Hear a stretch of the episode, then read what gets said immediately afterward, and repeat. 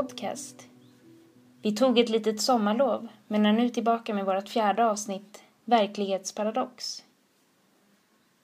I det här avsnittet har vi en intressant blandning av verklighetsfunderingar, att vara, att få lov att vara i vår tid, med mer abstrakta känslostämningar och förvrängning.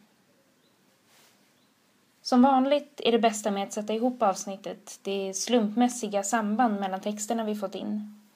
Hur de berikar och samtidigt kontrasterar mot varandra. Fortsätt skicka in dikter, ljudkonst och bekännelser till meningenpodcast.gmail.com. Nu är det dags att lyssna. Hej så länge.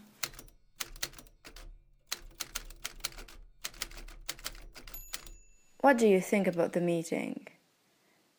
Every time I start writing, I have tears in my eyes that I write for real. To write for real would mean trying to provoke the meeting through writing and through reading. Some blanks are massive. The space on the paper exists for real. The meeting is when two people are facing each other for the first time, for the second time, for the last time. Bodies can meet, minds can meet, both at times. You can't put a date on the meeting. It has no location because it is a threshold, but it is possible to draw an outline. The meeting is significant. It chills the heart, tortures the mind, wrings the body. You can't get ready for a meeting. The meeting is the illusion. We're not alone anymore. We are alone. The meeting anesthesize the self. Only remains the other. The other lives a life of his own. Who had love to share it. The meeting is the desire to possess the other. Then I come back to myself. I'm alone. The meeting is the waiting time. The other is away. He does come back, but is always away. He comes and goes. The meeting was a complete thing. I could have the other. The meeting excluded the possibility of the absence. The meeting is the others around.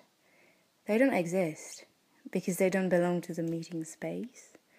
They are the pawns captured by the opposite camp. The meeting is the premise. I understand you, you understand me. Broken promise. Impossible.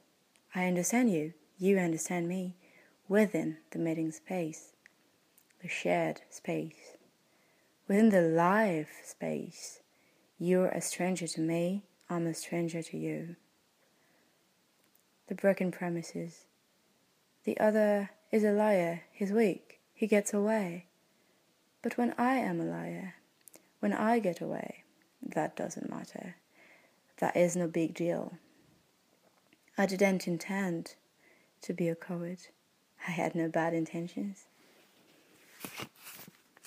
The meeting is afterwards. The other is not here anymore. I remember my loneliness, the amount of free space around me. We thought that the other had understood us. We did not get it at all.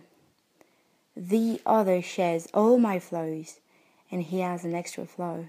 He is the other. Now I reject everything that is not me, since I can't be mean, but the other can't be.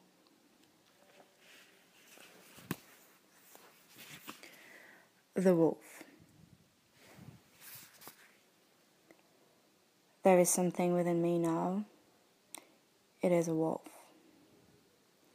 A physical need to, a will to bark, bite into human flesh. Usually, there are two things inside me the fist striking the wall, the body dissolving into a pool. Now, the wolf is here as well. This wolf doesn't come out of nowhere.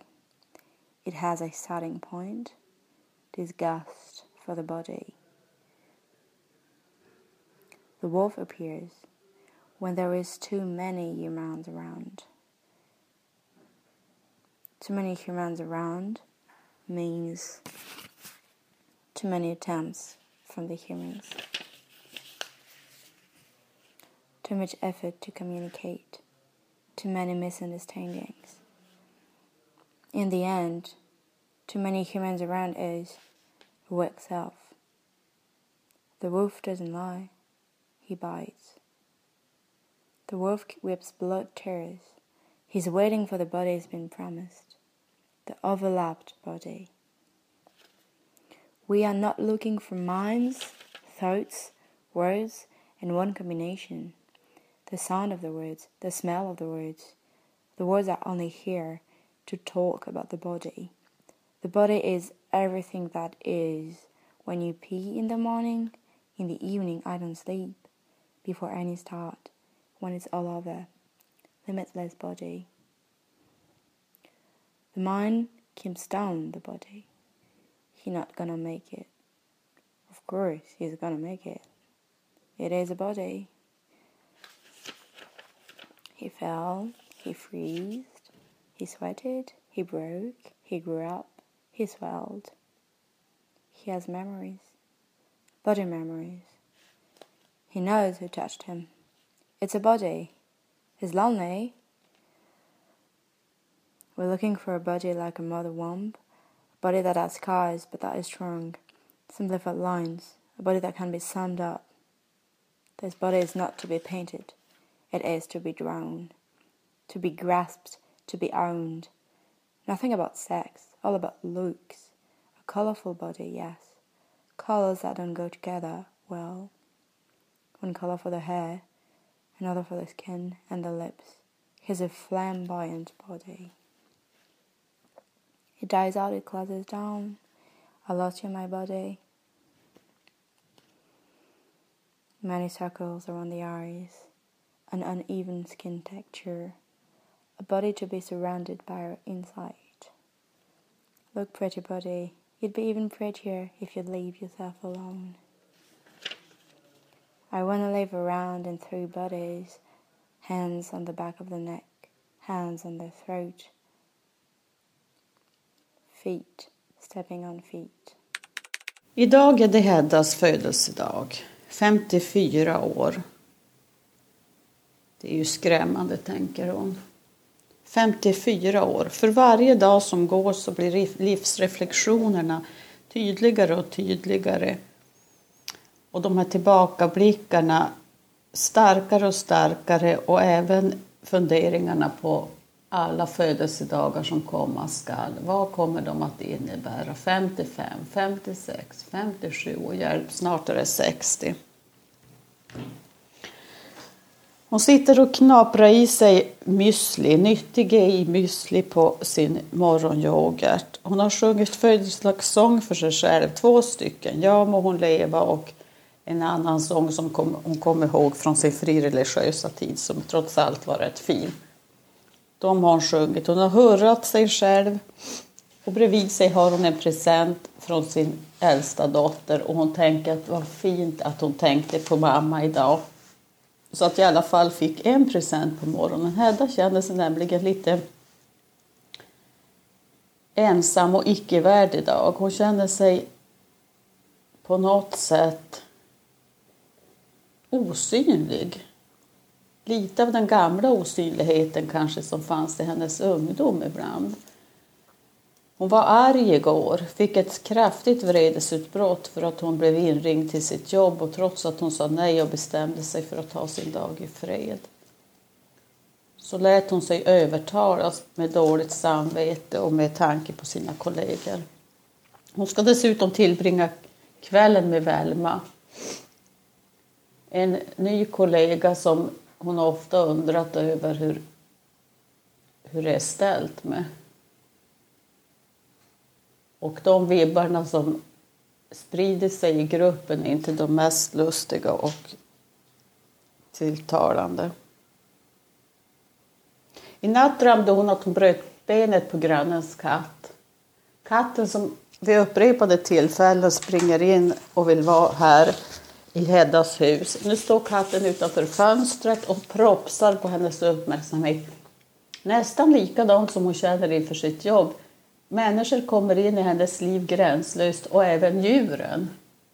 Grannens katt brukar ta sin tillflykt hit och Heddas syster vill mena att katten behöver semester och ett, hem att, ett annat hem att springa in i. Men Hedda har börjat fundera på det där om det inte är så att katten också tar för givet. Hon känner att hon är tagen för given.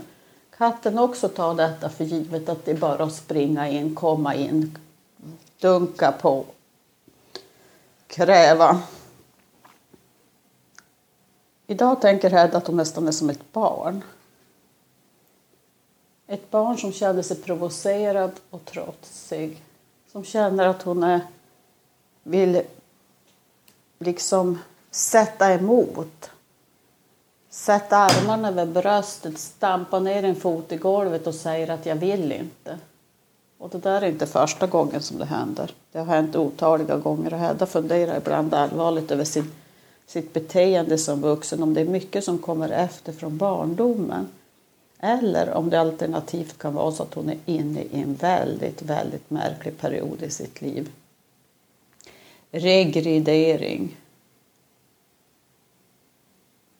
Går tillbaka till någonting lågt och basalt och instinktivt. Något som styrs av de mer primitiva delarna i hjärnan. Ja, vad ska man tro egentligen om allting? Hon pratade med sin mamma igår i telefon. Och varje gång hon gör det och är arg så känner Hedda att hon inte borde vara arg. För mamma har aldrig varit arg. Oj, oj, oj. Oj, oj, oj, säger mamma. Det där har jag aldrig känt. Nej, men jag känner så. Hedda kom på igår att hon kanske skulle behöva säga det till sin mamma. Att jag får vara arg även om du tycker att det är obekvämt. Även om du inte gillar att vara arg och inte vill vara arg. Så får jag vara det. Istället sa hon till sin mamma, men du är ett unikum, du är ju från en annan planet. Och idag vet inte Hedda hur pass bra sagt det var, men hon kände sig provocerad av åsikten om att ilska är fel. Det är inte säkert att hennes mamma menar så, men hon upplever det som att det är en tillrättavisning. Oj, oj, oj, vad arg du är, du ska inte vara arg, det är inte bra att vara arg. Och det där måste ju härröra från barndomen, absolut. Det, det kan ju inte finnas något annat, någon annan förklaring. Och Hedda tänker att hon ofta varit så snäll och så präktig och så foglig och så hänsynsfull och så omtänksam så att all egoism som finns samlad i hennes lilla person nu har verkligen slagit till med full kraft och, och bara skriker, kräver, klöser, river eller så är det inte egoism, så handlar det om att ha ett egenvärde. Att vara tillåten att sätta gränser, att vara tillåten att säga nej, att vara tillåten att må dåligt en dag, att vara arg och slå på en kudde utan att andra människor känner sig illa till mods.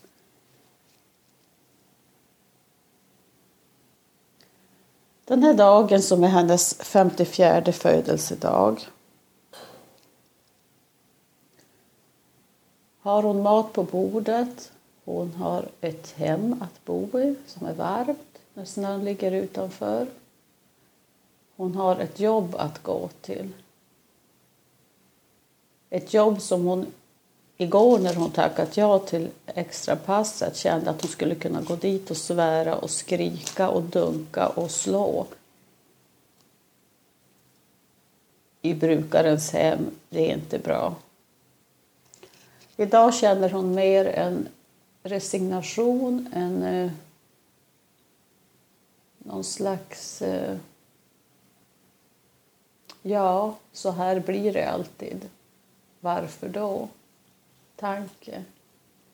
Och en känsla av att hon för att vara legitimerad att uppmärksamma sin egen födelsedag, måste bestämma något, måste resa bort, köpa en resa, en spa, helg. ett teaterbesök, en eh, fest. Och det blir aldrig av. Hon vet inte varför. Kanske för att hon i den sämsta av världar inte tycker att det är värt att, för, att uh, fira sig själv. Och i den bästa av världar så väntar hon fortfarande på det stora, unika tillfället för en riktigt brakfirande. Eller så är det någonting någonstans där mittemellan. Hon kanske bara är bekväm.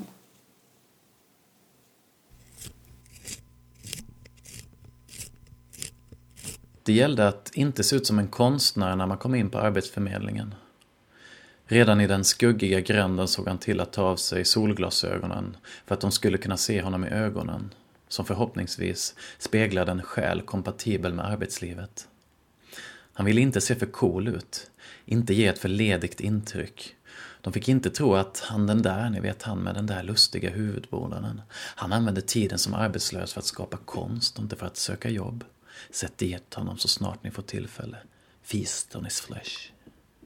Konst var inte förbjudet att utföra för en arbetslös inskriven på Arbetsförmedlingen.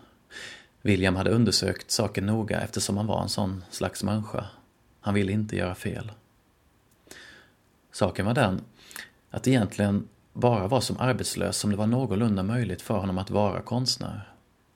William hade testat det där andra livet, livet som lönearbetare och aldrig lyckats finna den brusande livfullheten som konsten krävde för att öppna sitt fönster för honom.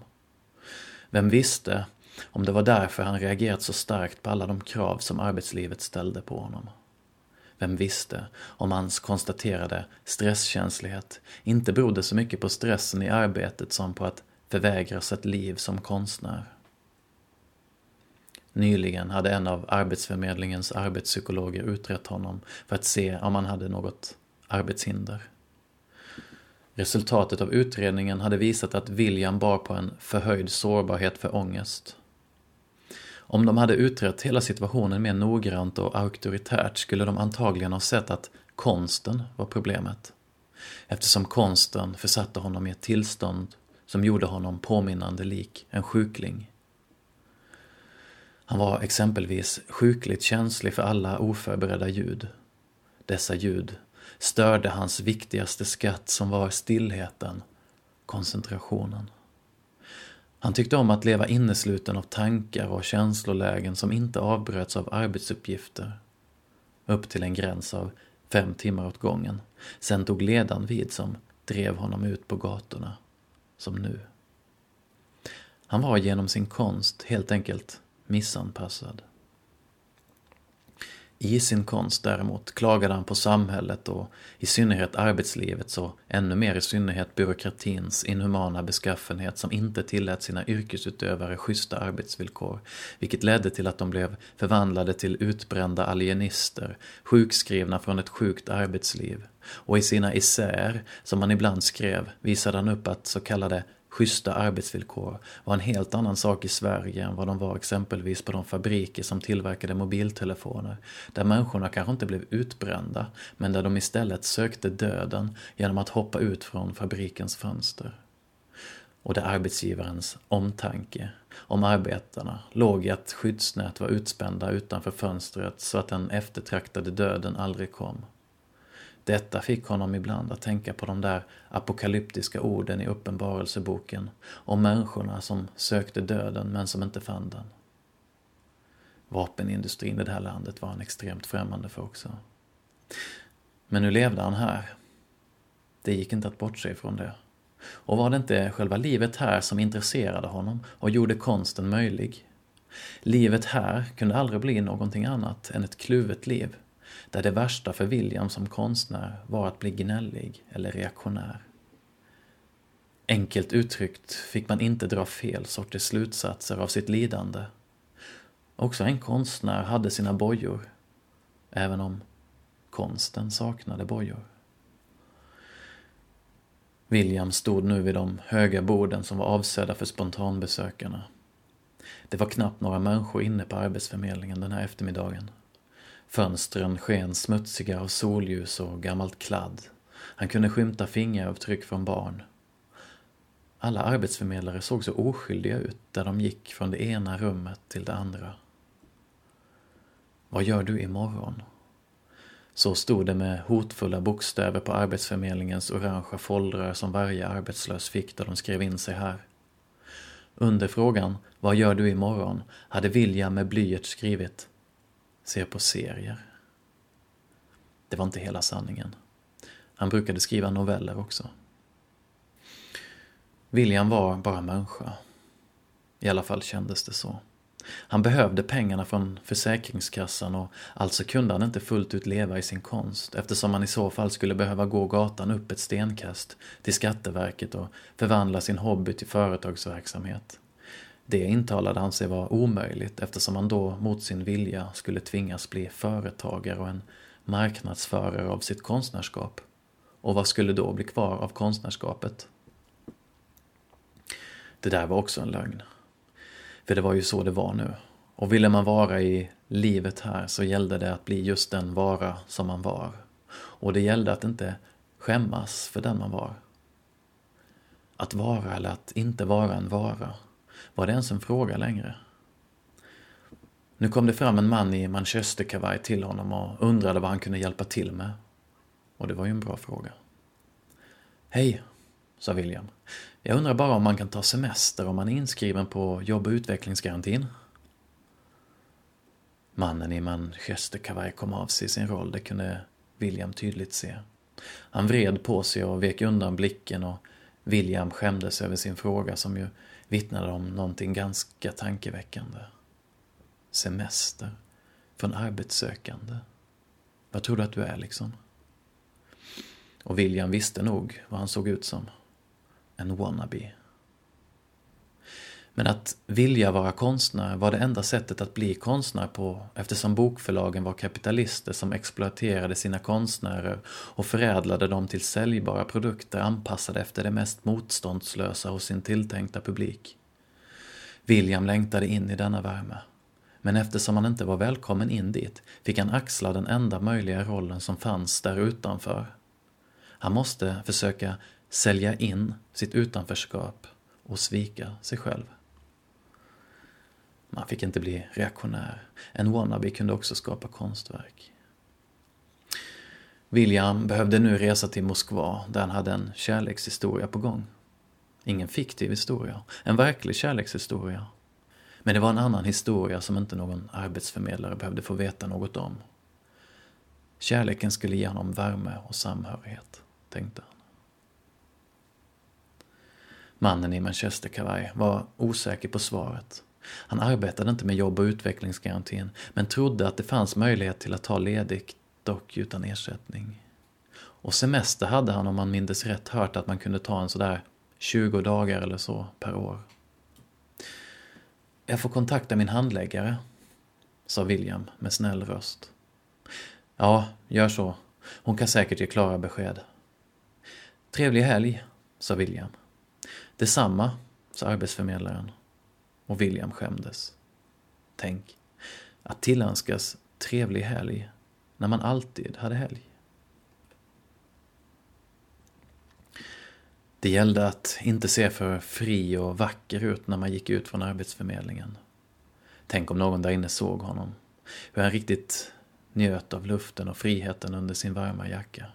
De kunde ju sitta där inne och se på honom och tänka att de har det för bra, dessa arbetslösa människor. Handen där, till exempel, han i den lustiga huvudbonaden som inte gör rätt för sig. Att han har råd med en så varm jacka, är det inte groteskt? Borde han inte tvingas frysa så att han fattar allvaret i sin arbetslösa situation? Kyliga vindar irrade omkring i Lundalabyrinterna. Solen strålade på den klarblå himlen. William tog på sig glasögonen igen. En dag skulle han med största tänkbara oskyldighet skriva en novell om hur det var att leva livet som arbetsförmedlare samtidigt som solen strålade utomhus och vårens blommor knoppade och brast. För att göra en sådan berättelse trovärdig krävdes det såklart att nyansera bilden av arbetsförmedlingen och minnas att också en arbetsförmedlare var en människa precis som alla andra. Också arbetsförmedlaren var en inspärrad alienist som längtade efter solen men som på sätt och vis satt fast inuti en pådyvlad fyrkantighet. Och fyrkantigheten var också en nyans. En nyans som varje rum och datorskärm visade upp för sin användare och som skyddade mot andra erfarenheter och värre verkligheter och det var kanske själva fyrkantigheten som gjorde folk så benhårda och kyliga i sina åsikter nu för tiden. Folk trodde att de visste så mycket bara för att de såg saker i fyrkanter. William plockade fram telefonen och såg att klockan var fem i fyra fredagen den 22 april. Vintern kommer. Så skulle novellen om Arbetsförmedlingen sluta. Det var ett citat från Game of Thrones. Snart började en ny säsong av den serien som av vissa kallades för ett vårtecken.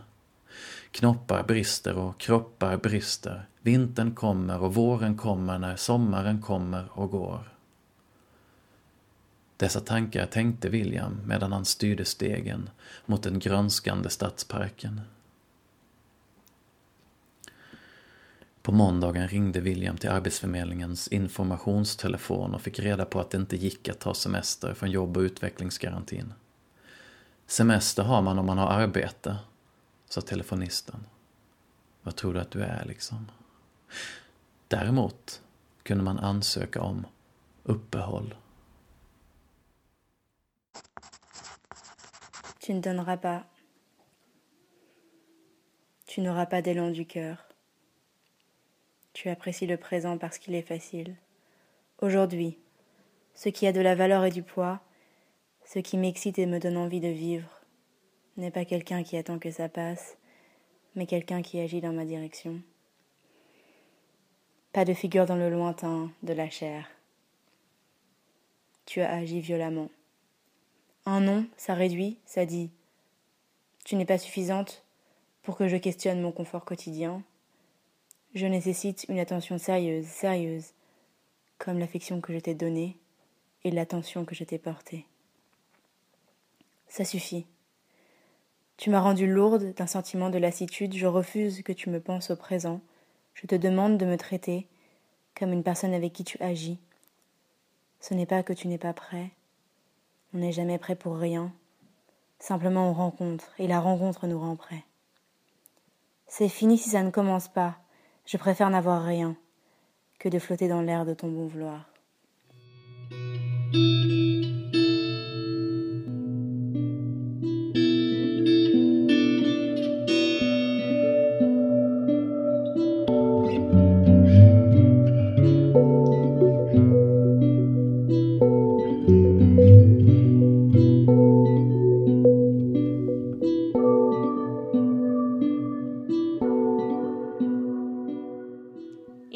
Avsnittet har vi fått lyssna till Lea de Lepelier, The Meeting and the Wolf, Barbro Linder, Heddas dagbok, Jeremia Karlsson, Vad gör du imorgon?